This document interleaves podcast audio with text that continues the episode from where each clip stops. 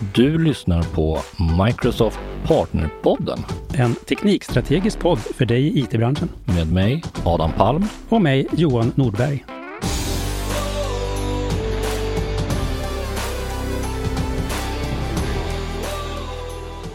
Hallå, hallå och välkomna tillbaka.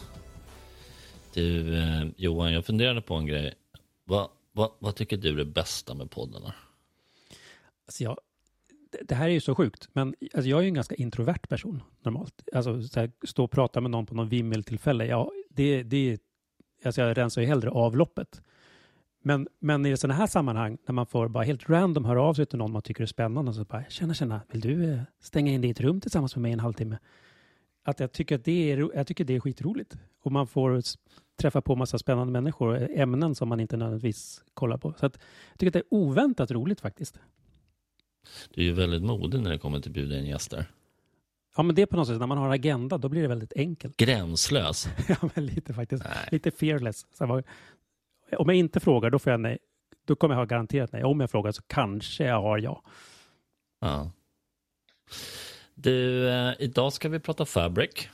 Yes. Eh, med oss har vi Erik och Johan. Erik jobbar som teknisk specialist på Microsoft och Johan jobbar som Cloud Solution Architect eller lösningsarkitekt. Välkomna killar, hur mår ni?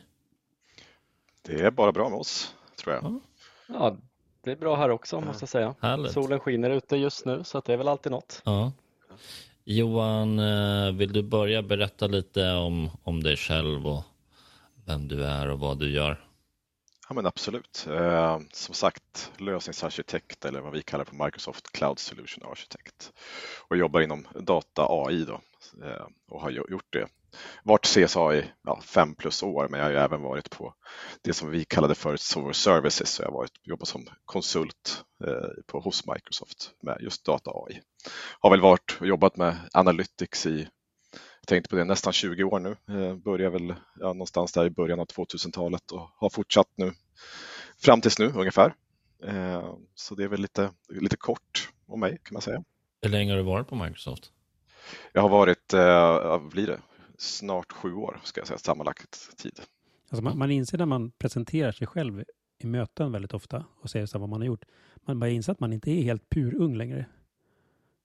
Nej, Nej, det, nej men precis. Nej, men jag, det, så här, det var ju vid 28 och då börjar man räkna bakåt. 20, då tänker man så här, men det är typ 5-6 år sedan. Men det var det inte. Nej, det, det är lite, det är några, några till är det. ja, det går himla fort alltså. Och det går ju fort när man har roligt. Så det, är, det är det som är det är det som är kanske både positivt och negativt. Ja, Vi får börja ha lite tråkigare nu så det går långsammare. Precis. Eh, och Erik, Yes, nej men liksom Johan så, så jobbar jag med data AI på, på Microsoft då. och i rollen som teknisk specialist så, så hjälper vi kunderna framförallt i början då när man ska komma igång med eh, ja, men nya olika projekt då inom data AI eh, och exempelvis Fabric då. Och jag har väl jobbat på Microsoft i fem år nu ungefär. Eh, innan dess så har jag jobbat ja, men många år inom området eh, som konsult då, men utanför Microsoft. nice. Varmt välkomna. Tack. Eh, och idag ska vi, vi ska prata om Fabric. Eh, och ehm, vi, vi, vi gör så, vi börjar med 10 000 kronor frågan för det kanske är några som lyssnar som inte vet vad Fabric är. Så vad är Fabric? Är det Ja, någon vad- som vill? Ni kan Ja, men- tillsammans försöka förklara vad Fabric är kanske. Ja, men vi kan väl tillsammans göra en ansats och försöka förklara. Eh, Fabric är ju eh, Eh, vår nya molntjänst som vi har här i innan sommaren kan man säga. Den är, det är en SaaS-plattform som vi har byggt för att liksom binda ihop många olika tjänster som vi har haft tidigare. Vi har haft vår Data Factory, vi har haft någonting som heter Synapse och vi har haft eh, och databaser Eh, och allt det här har vi byggt upp ihop nu till en plattform, ett, liksom ett paraply kan man säga för, för Analytics. Men vi har också kompletterat det med lite fler tjänster kan man säga och gjort dem lite bättre. Eh, så det är liksom den stora ansatsen. Man kan egentligen tänka på Fabric, alltså vi har ju haft Power BI då som har varit en vår, vår BI-lösning som har varit, som vi har använt. Och vi har liksom expanderat den till någonting större. Så nu är Power BI bara en liten del av hela Fabric. om man inte alls kommer från analysvärlden så kan man ju tänka på det lite grann som Office skulle jag säga. Man, had, man har eh, ett Office som är liksom en, en eh, paraplyverktyg för flera olika tjänster där vi har vår Excel och vår Word, vår, present, eh, vår PowerPoint och så vidare. Men det här med Fabric är samma sak fast för, för, eh, för Analytics. Skulle, det är väl den kortaste och, frågan. Och, och, och, du, du um du drog parallellt till Office där Office-paketet är liksom flera olika applikationer som förhoppningsvis ska hjälpa till med massa olika saker när det kommer till produktivitet. Men kan vi liksom i Fabric, uh, du, du nämnde Power BI, men vad, har, vad finns det mer liksom i, i Fabric som skulle... ja skulle... men precis. Om man, om man drar, fortsätter dra parallellen då så har vi ju Power BI då som är vår, ja, fortfarande vår BI-verktyg och ett av våra ledande, eller världens ledande BI-verktyg, det som väldigt många kunder använder för visualiseringar, din era liksom charts och, och så vidare. Det, det finns ju fortfarande kvar. Men vad vi har lagt till är ju till exempel tjänster för data engineering, det vill säga att göra pipelines, flytta data, göra om data. Vi har lagt till och ha Spark-kluster och sånt som vi har haft i Synapse. Vi har lagt mm. till kapabiliteter för, för till exempel data warehousing eh, som vi har vår T-SQL-motor. Till exempel om man kommer och skriver SQL så känner man igen sig. Vi har realtidsanalys med kustodatabaser och eventhantering. Och vi har även kapabiliteter över till exempel data science och data governance skulle jag säga, i det här som man har byggt ihop tillsammans i en tjänst. Mm. Och jag tror, eh, för att fortsätta att ta vid där, så en viktig anledning till att förstå varför vi har gjort det här också, det är att vi vill göra det enklare att jobba med olika typer av analyser. Eh, för kollar man idag på många av våra olika kunders analysplattformar eller dataplattformar som man också kan kalla det för, så vi ser att de, de följer ja, ett, i regel ett specifikt mönster. Eh, de ser ganska likadana ut. Jag menar Johan, hur många kunder kan vi ha jobbat med de senaste åren? Kan det vara 30-40 stycken tillsammans? Ja, ish. säkert. Och de flesta ser ish likadana ut. Eh, man börjar i regel med att göra någon form av dataintegration, det vill säga att ja, men, jag måste ju få in någon data som jag kan analysera. Det är, liksom, det är i regel där man börjar. Eh, så då hämtar man data kanske från något HR-system eller kanske något ekonomisystem, ERP-system, kanske från social media som vi ser mer och mer. Och sen vill vi ju spara ner det här datat någonstans eh, och då börjar vi komma in mer mot eh, en data lake. Det brukar vara ett bra ställe att börja, börja lagra data på just för att kan hantera väldigt mycket olika typer av data och framförallt kan det spara ner väldigt mycket data till en låg kostnad också. Ehm, och sen när vi har det här datat då, i vår analysplattform eller dataplattform, då vill vi ju, ja, som Johan pratade om, data engineering. Vi vill börja komma in och få ut värde av datat. Vi vill börja transformera det, massera det och hela den biten och kanske lägga på och börja definiera upp lite affärsregler och sånt eh, och skapa upp någon form av datamodell då i slutändan. Det vill säga en datamodell som gör det möjligt att vi kan analysera kanske ja, men, ehm, logistiksystemets data med säljsystemets data eller finanssystemets data eller liknande. Då. Och den här datamodellen brukar ligga i form av ett, i ett data warehouse. Eh, det är där vi brukar, brukar lagra det. Och sen i nästa steg så brukar vi komma in på att ja, men vi vill börja visualisera datat. Eh, och då kommer vi in på det här med att skapa grafer och vi vill att användarna ska kunna vrida och vända på datat. Och i nästa steg, när man då har kanske jobbat med det här ett tag, man har blivit mogen med att ja, men, eh, visualisera datat, rapportera datat, eh, skapa upp sina grafer och så, så brukar vi se att ja, men, företag vill kunna komma till nästa nivå, vill kunna få ännu djupare insikter i, i vårt data. Så vi ja, men kanske börjar eh, applicera lite statistik på datat. Då kommer vi på data science och de bitarna. Och sen så kanske vi vill få liksom ännu snabbare eh, analys av datat, det vill säga att vi vill också kunna börja analysera datat i realtid så att ja, men så fort vi får in datat i vår analysplattform så, så vill vi kunna hitta insikter i det. Och Det är de här komponenterna vi ofta ser i, i dataplattformar idag. Ehm, och det vi ser är att men, varje sån här funktion som jag pratar nu om, det är dataintegration eller om det är data warehousing, BI, realtidsanalys, det kräver en en specifik tjänst. Då. Vi har pratat om att om vi har haft Data Factory tidigare, vi har haft Power BI tidigare, vi har haft Synapse tidigare på vår sida på, på Microsoft och i Azure bara. Och vi, vi, har fått från en del kunder att ja, men det är ganska svårt att integrera de här olika tjänsterna, att få dem kanske att prata med varandra till infrastrukturellt perspektiv men också ur ett dataperspektiv. Så att det vi vill göra med Fabric det är helt enkelt att ja, men vi vill få ihop allt de här som vi har haft tidigare till en enhetlig tjänst i form av en SAS-tjänst. En ganska lång utläggning, men det kan vara bra att ha den här bakgrunden. Eh, men det ger ju, för att förstå. Förlåt, men det ger ju också värdet i att man kanske jobbar med det man ska jobba med. Att göra de här dataanalyserna och jobba mer direkt med att göra liksom, det som man är duktig på istället för att man sitter och bygger infrastruktur eller sätter ihop nätverksregler och så vidare som kan vara jobbigt och ta väldigt mycket tid i projekt. Det blir ju väldigt mycket kortare ledtid att få fram från att du har data till att du får en rapport är ju det som vi kortar ner väldigt mycket med, med, med Fabric. Innan vi liksom går vidare och pratar mer eh, praktiskt eller teoretiskt om, om Fabric så um, både du Erik och Johan, ni nämnde det, uh, ni pratade lite om Data Warehouse. Uh, sen pratade ni också om Data Lake. Uh, det finns också någonting som heter Lakehouse. Ska vi bara Ska vi bara kort prata lite om vad, vad, de här tre koncepten och hur det hänger ihop, eller om det hänger ihop med Fabric? Men det tycker jag låter väl en väldigt vettig insats. Jag, när jag satt och lyssnade på Erik här lite grann så satt jag och tänkte att det som han berättar är lite grann det vi gjorde det jag gjorde när jag började jobba för 20 år sedan. Det hade, när jag jobbade med SQL Server, vi hade vår staging area vi hade våran, våran databaser och våra rapporter. Det är lite grann. Men det som har förändrats är ju just nu att vi har börjat byggt. Eh, det går ju väl, vi har väldigt mycket större datamängder och väldigt mycket mer spridd data och det går väldigt mycket snabbare. Det gör att det här eh, att det sätter, vet du, sätter lite mer, vad ska jag säga, det blir lite mer komplext alltihopa.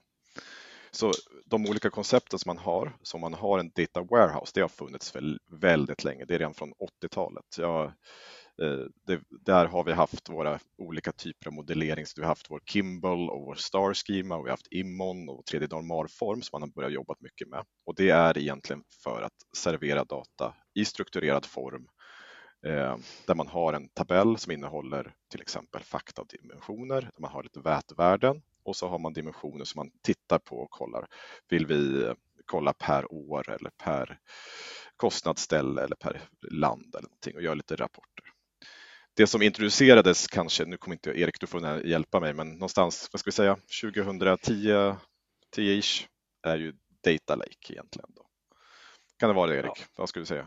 Ja, men det, det, kom väl med hela Hadoop-svängen där framför allt. Ja, kan det vara? Nej, men det kanske det var 2005 redan. Ja, kanske tidigare. Ja, precis. Det man såg då var ju att ja, men vi behöver ha strukturerad data och vi behöver kunna ta emot mycket mer data än vad man till exempel en SQL Server kan ta emot.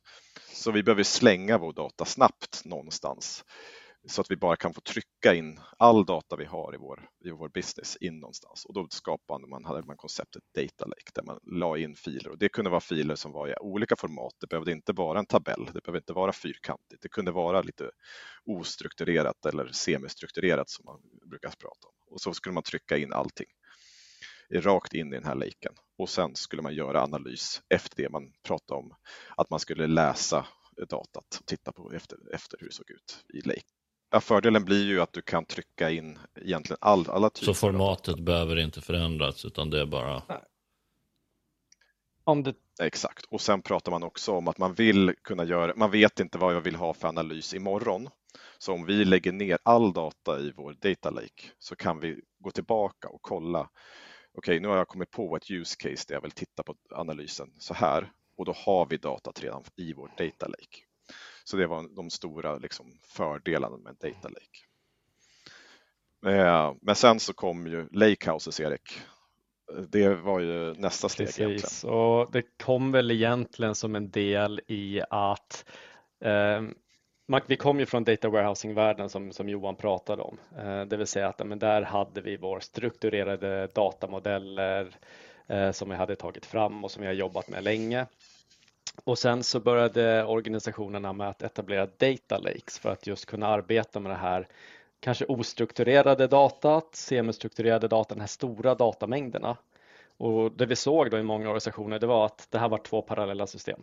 De levde oberoende av varandra och man fick en ganska ja, men det var svårt att hålla koll på, en, på ens miljö och få en enhetlig analys egentligen i slutändan. Då.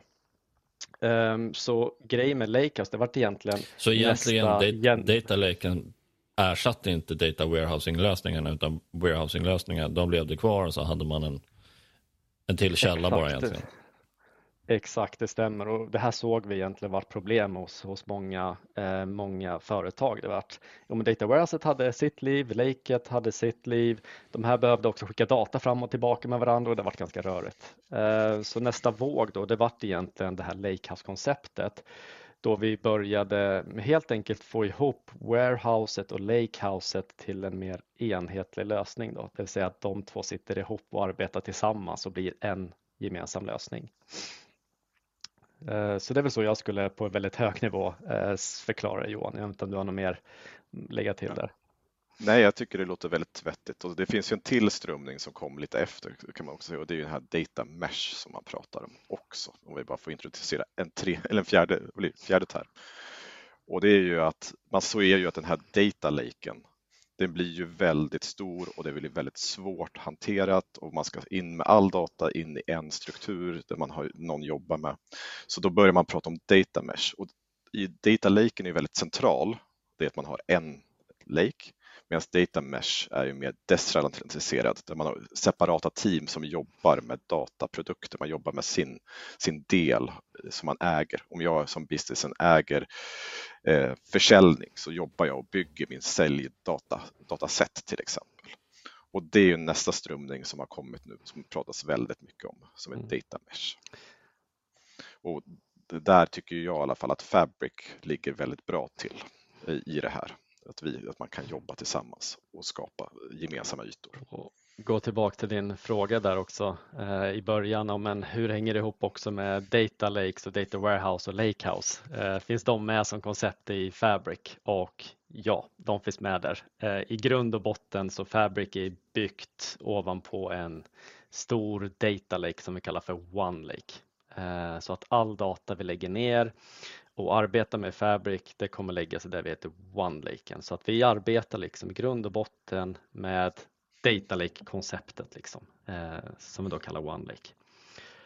Um, ehm, och sen när vi vill arbeta med datat eh, i Fabric så har vi också någonting, en komponent som heter Data Warehousing.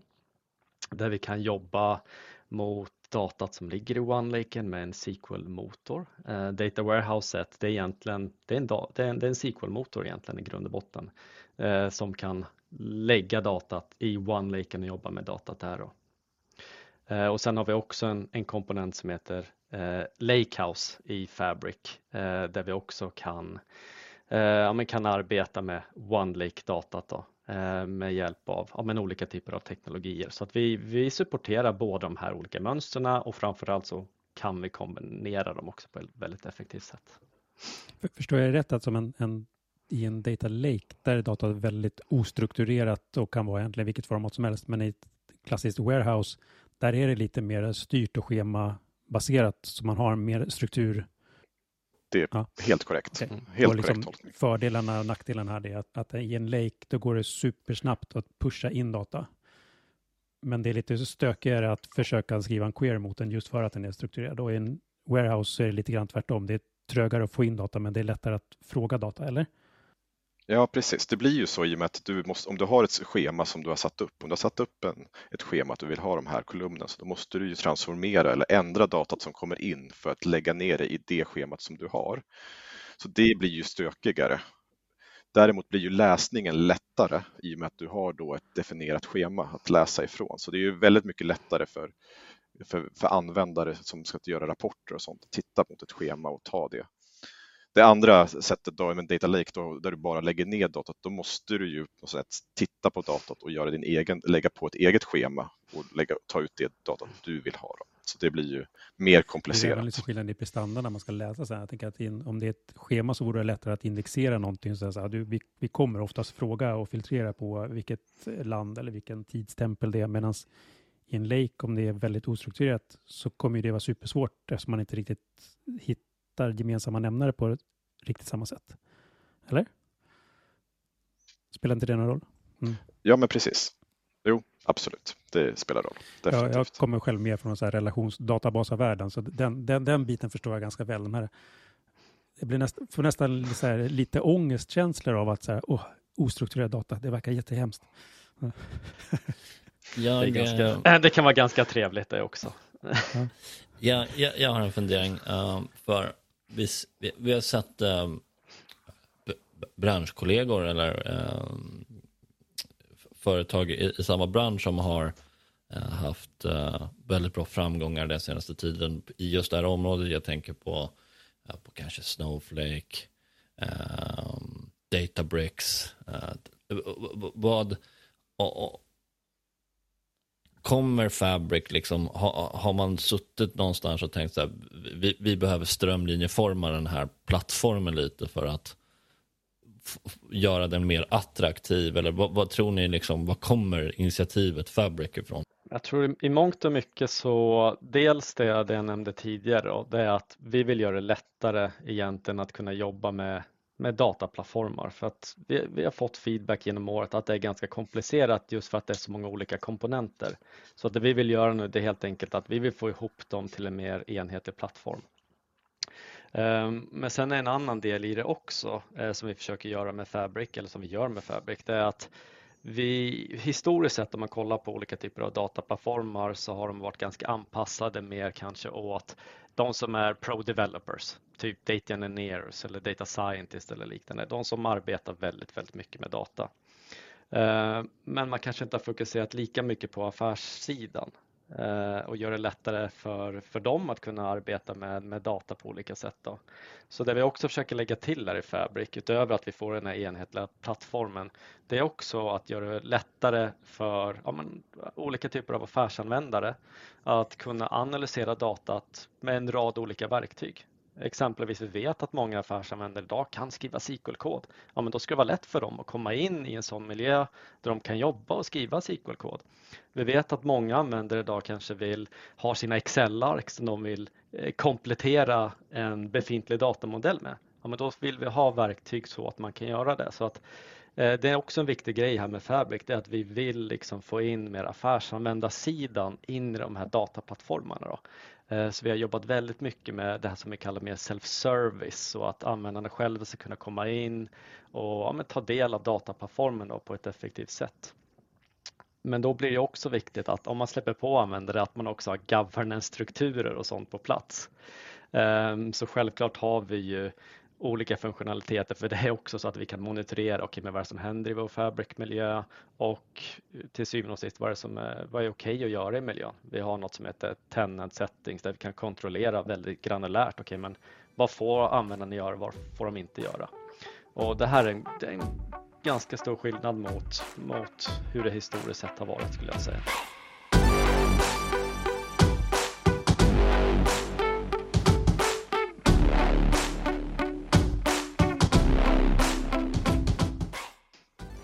Skulle väl också kunna komplettera med att till exempel då Databricks och, och eh, Fabric går ju väldigt bra ihop i och med att vi i Fabric har valt att köra all lagring i Delta-format, i en open source eh, filformat som även Databricks jobbar med. Eh, så att de går ju väldigt, väldigt bra ihop ska jag väl säga. Och de är egentligen komplement i min värld än snarare än att det skulle vara något olika. För att Databricks är ju en Azure-tjänst som vi kör med. Och där vi, där vi då, den är mer riktad som Erik säger mot kanske mot en pro-developer eller en data engineer som sitter och jobbar och gör sina saker och vill kunna styra och ställa väldigt granulärt på olika settings. Eh, där, där, då, där man då till exempel kan slutprodukten blir en kanske någon sorts deltafil som vi sen i sin tur kan ta in i Fabric och jobba vidare med för affärsanvändare. Så de här två verktygen i min värld är väldigt bra tillsammans att kunna köra ihop. Och Erik, du pratade lite om det här liksom med att sänka inte nödvändigtvis kompetenströskeln, men kanske erfarenhetströskeln. Att så här, man kan komma igång, eller ni båda pratar om det, att man kan komma igång och jobba med det. Man behöver inte vara en data scientist eller en data engineer. Um, vi, vi, har ju liksom Copilot-hysteri här på, på Microsoft just nu. Finns det en Copilot för Fabric? Um, om jag skickar den tillbaks, vad, vad tror du? Jag tror att det finns det. Då tror du rätt. Den är i public preview just nu. Så att det, det, finns en, det finns en Copilot till, till Fabric. Det gör det. Och vad, vad, kommer den kunna göra? Är det liksom att få hjälp att skriva queries eller kommer den kunna hjälpa en även med att sätta upp saker på ett korrekt sätt så att det blir bra för framtiden? Eller? Om, om, vi kollar, ja, om vi kollar just nu så i och med att det är så många olika delar i, i Fabric. Vi har ju dels Power BI-delen i Fabric. Det är ju skapa rapporter och sånt. Copilot där um, som finns i Public Preview så att uh, kunderna som vill testa det har, har möjligheten att göra det. Eh, I alla fall de flesta. Men där kan man få hjälp att skapa upp rapporter, eh, vilket är otroligt häftigt. Då hjälper eh, Power BI helt enkelt, eller den här Copiloten, att skapa upp olika typer av rapporter och ge förslag på, okay, men det här grafen kanske vill kika på etc. Ehm, men sen har vi också möjligheten att arbeta som data engineer i, eh, i Fabric, då, antingen i form av att man kanske vill skriva SQL-kod eller att man vill skriva eh, och arbeta i Spark och Notebooks. Eh, och då kan man få, få hjälp att skriva kod helt enkelt. Man kan få förslag, men så här, så här kan du göra det. Så att istället för att du behöver gå till Stack Overflow eller liknande, vilket alla programmerare gör antar jag, så ehm, kan, man, eh, kan man få hjälp av den här Copiloten då, att få få sin kod snabbare och effektivare. När, när det kommer till att få hjälp att göra rapporter, hur, hur bra blir den där på att veta vilken data den ska ta utan att du är superspecifik med att du kommer hitta den här datan i den där tabellen och de där kolumnerna. Liksom. För jag antar att så Nordstjärnan här är att man skulle vilja kunna säga så här, eh, skapa en eh, rapport nedbrutet per månad för det där området. Eh, men hur, hur bra skulle den lyckas med en sån sak om den inte vet Alltså han inte förstår vad datat är för någonting utan att jag berättar det för honom. Är vi ens i närheten eller är det en, en dröm långt fram i tiden? Ja, just nu så kan vi få ut ganska bra rapporter eh, i Cope, via Copilot och man, jag tror via Synonyms kan man definiera upp så att man kan få lite grann, eh, lite bättre resultat. Vad ska man säga, liksom så att tagga upp datan så den blir mer lättförståelig för någon som inte har gjort datamodellen så att, och därmed hjälpa Copilot att förstå vad den är. Liksom är det någonting sånt eller? Den som är, den, den som är rapportmakare eller gör datamodellen kan göra det. Exakt. Men, eh, men eh, jag tror inte att, hela, att vi har kommit hela vägen till, till kanske till målet ännu, eh, där man kan liksom sitta och definiera exakt vad jag tror, eller jag vet, är att vi kommer antagligen kommer komma dit inom en snar framtid, men jag tror inte att vi är riktigt där ännu. Just nu är Copilot bra på att göra rapporter och man kan definiera att jag vill ha, de, eh, jag vill ha det här området jag vill ha. Liksom. För det känns väl kanske som det man vill göra är liksom konversera lite med Copilot för att få datainsikter. Liksom. Men... Exakt. Och jag tycker ju GitHub Copilot, den har blivit ganska bra på som SQL-frågor. Eh, och även om, även om man, alltså nästan så att det räcker med att man öppnar en definition av tabellschemat så kan du på ett ganska naturligt språk få den att göra vettiga queries. Så det känns som att vi har kommit riktigt långt så länge vi kan visa för Copilot, här har du modellen. Men det är väl kanske det de hänger på mycket. Så här, hur, hur får jag den att förstå att den här modellen symboliserar den här saken? Liksom? Ja, men jag, kan, jag, jag, jag, tror verkligen mycket på att Copilot, att man ska kunna slippa allt den här skriva all den här koden, att vi kanske kan klara att få bort 80 procent av det här, eller någon sorts 80-20-regel här, att man tar bort allt det här som man kanske måste, ja, som Erik säger, leta på Stack Overflow och hitta alla de här små sakerna. Men sen kanske man måste redigera eller och fixa ordning de här sista 20 procenten ja, själv. Och, och den bit, ju... Jag tycker det är helt okej, okay, för när jag sitter med, med GitHub Copilot, det är ju ganska ofta som så här, jag, jag vet vad resultatet, vad jag vill ha för resultat, men jag kommer inte ihåg i huvudet exakt hur sjutton var det jag gjorde det där nu igen. I den typen av scenarier tycker jag Precis. att den är otroligt bra, för att jag har kunskap nog för att se, blev det här ett vett, fick jag ett vettigt svar? Ja, nej. Eh, men jag hade fått ägna otroligt mycket mer tid att försöka klura ut den där frågan själv eller den här kodsnutten själv. Men det krävs ändå en viss kunskap i bakgrunden för att det faktiskt ska bli bra. Ja, men exakt så. Och så är det egentligen med Stack Overflow. Eller faktiskt om jag skulle ställa, skicka dig ett Teams-meddelande Johan och säga så här, du kan hjälpa mig med den här queeren. Jag måste ju berätta för dig vad fasiken jag har för datakällor och jag måste berätta för dig vad jag vill få ut av det. Så att där är egentligen ingen skillnad heller mot att jobba med en Copilot eller med en kollega. Jag, eh, jag, jag, vi har en fundering eh, och jag tänker att vi föreställer oss, och det är faktiskt otroligt många kunder så, och, och partners som fortfarande gör det, är liksom att eh, egentligen all dataanalys man gör, all, all data man har, eh, orkestreringsverktyg, visualiseringsverktyg, vi säger att de jobbar med Power BI till exempel, men att man fortfarande gör det 100% on-prem. Eh, vad skulle ni säga att den största skillnaden blir om man liksom dels liksom flyttar, vi säger att man flyttar 100% eller 90% till molnet och liksom att man börjar använda Fabric? Ja, men det, dels så är det ju eh, något, något, som vi ser om vi kollar på många olika kunder som, som går mot molnet så är det ju framförallt eh, dels skalbarheten. Jag menar när vi jobbar mycket med analys så, så är det, det, det är mycket ofta beräkningskapacitet som kan behövas, speciellt om vi vill börja realisera kanske nya och häftigare use case. Det skulle kunna vara att man vill jobba på stora datamängder eller ostrukturerade datamängder eller att man vill göra machine learning modeller och hela den biten. Eh, så ja, men det tar ganska mycket kapacitet. Och är något vi vet i molnet är såklart att där är det inte direkt brist på, på kapacitet i de flesta fallen i alla fall. Eh, så det är ju någonting vi ser verkligen, ja, men skalmöjligheterna helt enkelt med, med att gå analysplattformar i, i cloud. Men sen är det också innovationstakten eh, som allting går i just nu. Eh, för det kommer otroligt mycket nya features. Det är konstant, det kommer nya saker som, som rullas ut, nya häftiga eh, ja, men, teknologier och nya häftiga modeller och, och komponenter som man kan använda sig av eh, när man jobbar inom analys eller AI eller liknande. Eh, så att det är verkligen en stor enable för organisationer att gå mot moln och göra analyser där just för att det finns så många, eh, det händer så mycket där uppe helt enkelt. Fabric är ju, Fabric är ju evergreen så att det uppdateras ju mm. kontinuerligt. Där man, när, vi, när vi jobbar, man jobbar med on-prem ofta så sitter man ju oftast i stora migration, eh, migrationsprojekt där man ska flytta saker mellan versioner eller olika servrar eller sådana saker. Och det ju, tar ju väldigt mycket tid och det ger ju noll i affärsvärde mm. egentligen. Det är ju väldigt, det är väldigt stor kostnad och väldigt lite värde ur det.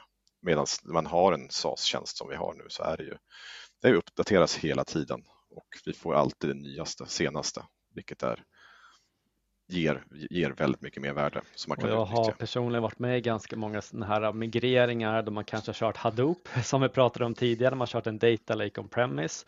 Eh, där har man kanske haft 10-20 pers som bara är där för att hålla igång infrastrukturen av det här klustret. Det är svårt. Eh, går man mot en cloudtjänst så har man ju helt enkelt behöver man inte göra det utan det är cloudtjänsten som håller igång det här och ser till att allt är uppe och snurrar och hela den biten. Så det möjliggör ju så att man får mer möjligheter till att fokusera på att analysera data än att hålla infrastrukturen uppe och speciellt när man kanske går mot mer avancerade use cases. Blir, blir skal, skalning i det här fallet, blir det som liksom våra andra Azure-tjänster, att du kan när du ska göra ett stort jobb, då kan du boosta på skalningen och när du har lite att göra, då kan du faktiskt dra ner den. Så att även där blir en stor skillnad mot att hosta det själv, där du skulle behöva ha infrastruktur tänker som, som klarar toppen. Tänker du på hur mycket den kan skala? Nej, eller? men jag bara tänker på enkel, alltså hur flexibel den är i skalning. Om man tänker sig, om vi jämför med, säg, container apps eller Kubernetes eller någon VM, alltså, att det går ganska lätt, alltså, nu har jag mer att göra. Nu trycker jag på mer skala, så är det lätt och sen så dra ner igen när jag inte behöver den. Till skillnad mot on-prem där jag hela tiden skulle behöva budgetera för att vi kommer någon gång behöva den här höga nivån. Alltså måste vi alltid ha den där höga nivån tillgängligt och betala för det. Har man de fördelarna här också med att det faktiskt är en SAS-tjänst? Absolut, du köper en kapacitet som du kan skala upp och ner. Så den, den går ju att använda och den kan ju koppla till flera workspaces som folk jobbar i, så du kan ha flera personer som jobbar inom samma kapacitet. Och, och jag tror det som är viktigt ner, också att förstå i den här SAS-tjänsten, eh. det är att vi vill göra det så lätt som möjligt. Vi vill göra det ännu lättare än hur det varit med PAS-tjänster. För PAS-tjänster, de kan man ju själv skala upp och ner och allokera hur mycket ja, med compute man behöver eller liknande. Men i Fabric så den sköter det här egentligen automatiskt. Om du ska skriva en SQL-fråga så kommer den ja, men analysera SQL-frågan, säkerställa att nej, du får den mängden kapacitet du behöver för att kunna exekvera den här SQL-frågan. Så så lätt vill vi göra det här med, med Fabric. Mm. Ja, och, och, jag, jag, och jag menar vi alla vet att, att molnet är skalbart och att det finns otroligt mycket liksom verktyg för att automatiskt kunna skala och anpassa saker. Det har vi lärt oss vid det här laget. Men, men, det jag tycker, det jag gillade som ni pratar om, det är just det här med liksom innovationskraften som finns och den otroliga takten som allting sker. Jag, jag, jag gjorde ett, ett, demo på Computer Vision här för ett, för ett litet, litet tag sedan uh, och liksom gick från att ha en tenant med noll resurser i till att liksom göra lite enklare analys på bilder på 60 minuter. Uh, och det är ju liksom det, det är det som är så fantastiskt. Att allting är liksom, det är bara några klick bort. Och att liksom tröskeln, allting är så enkelt idag. Alltså så man, precis som jag varit inne på, man behöver liksom inte ha så jäkla mycket liksom spetskompetens för att liksom bara komma igång. Sen visst för att göra någonting, liksom verkligen förlädla någonting så, kanske, så är det väl jättebra att man är väldigt, väldigt duktig. Men, men bara för att komma igång, det krävs otroligt lite och det tycker jag liksom är det mest fascinerande. Jag tror att folk som inte har jobbat i den här miljön, man har svårt att föreställa sig hur otroligt enkelt och kraftfullt det faktiskt är. Jag tycker det har gått så sjukt fort också med att man har blivit så bortskämd med att nu är det som att man sätter upp en eh, Azure Container App med en eh, Postgres-databas och en Redis-instans och så sitter man där vid sin CLI och tycker att ah, det här tar ju fem minuter jämfört med förut, liksom, du ska faktiskt sätta upp en server och installera de här grejerna på, där har man ju suttit en hel dag minst. Mm. Man blir ja. snabbt bortskämd. Men det är det som jag verkligen, om jag, om jag kommer tillbaka till det, det är ju det som jag tycker är Fabric, det som jag blev väldigt förvånad över är just det här går ju ännu snabbare än det vi gjorde i Azure med PAS-tjänster. Där vi sitter nu, nu, nu tar man upp en workspace, man skapar sitt lakehouse, man lägger in sin dator. Du kan till och med få in det i File Explorer nu, att du har din lake i, i File Explorer. Jag kan ladda upp min Excel-fil eller min CSV-fil från min desktop rakt in i, i Fabric, in genom via File Explorer. Jag kan börja jobba, skapa min datamodell och jag kan få upp min rapport. Och det här kan jag göra på mindre än en timme, att skapa det här. Skulle vi göra, ta ett steg tillbaka och börja jobba med eh, till exempel PAS-tjänster som jag haft med Azure där du har ditt storage account, du har din Data Factory, Databricks, din, din Analysis Services och kanske någon rapport på slutet. Då tar det väldigt mycket längre tid. Vi behöver då börja sätta upp alla tjänsterna, vi behöver koppla ihop dem, vi behöver gå in i en File Explorer och i, på, på, på Storage Account och lägga in filerna. Det, det, tar väldigt mycket längre tid än bara där vi pratar. Då är vi i molnet fortfarande om vi jämför mellan molntjänster och Fabric jag och Erik satt och även och diskuterade här för någon dag sedan om att hur mycket enklare allting har blivit för många kunder som vi har stött på och så, då, då har man ju egentligen byggt en ansats mot att bygga ett Fabric där man bygger ett sorts, man gör sin Terraform-skript eller sin Bicep-skript, man sätter upp sina tjänster och så vidare och kopplar ihop dem och deployar till ett team som ska göra ett analyscase till exempel. Eh, det som händer då är att de skapar det här Terraform-skriptet och sen låter, händer det, går ett år och molnet utvecklas väldigt snabbt. Våra tjänster förändras och det blir massa saker. De får, liksom, får liksom en backlog som de måste fixa till. Det är jättesvårt att ändra då för det här teamet som har börjat bygga någonting att ändra tjänsterna, göra olika inställningar och så vidare. Det är, det är en riktig huvudvärk att fixa det där. I Fabric där ger man då ett workspace, kopplar det till en kapacitet till compute till det här teamet. De börjar utveckla. Nya saker kommer, det är evergreen, allting start, fortsätter.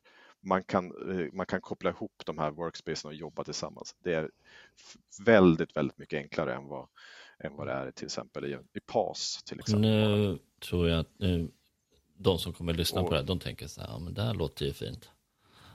Men vad kostar det där då?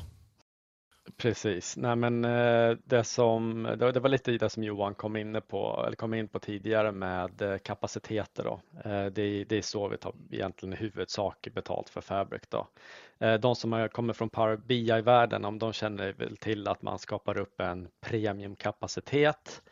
Ehm, och när man skapar upp den här kapaciteten då bestämmer man storlek på den och man kan reservera den kanske på ett år eller tre år. Ehm, men det är kapaciteten som avgör okay, men hur många data warehousing-frågor får du ställa, hur många BI-rapporter får du skapa upp i eh, och, och analysera i, i Fabric-miljön. Då. Så att det är kapaciteter. Eh, Men den kommer i olika modeller så att dels så finns det också möjligheten att eh, ja, beställa kapaciteter på ett eller tre år eller liknande så att man committar och får viss typ av rabatt kopplat till det då.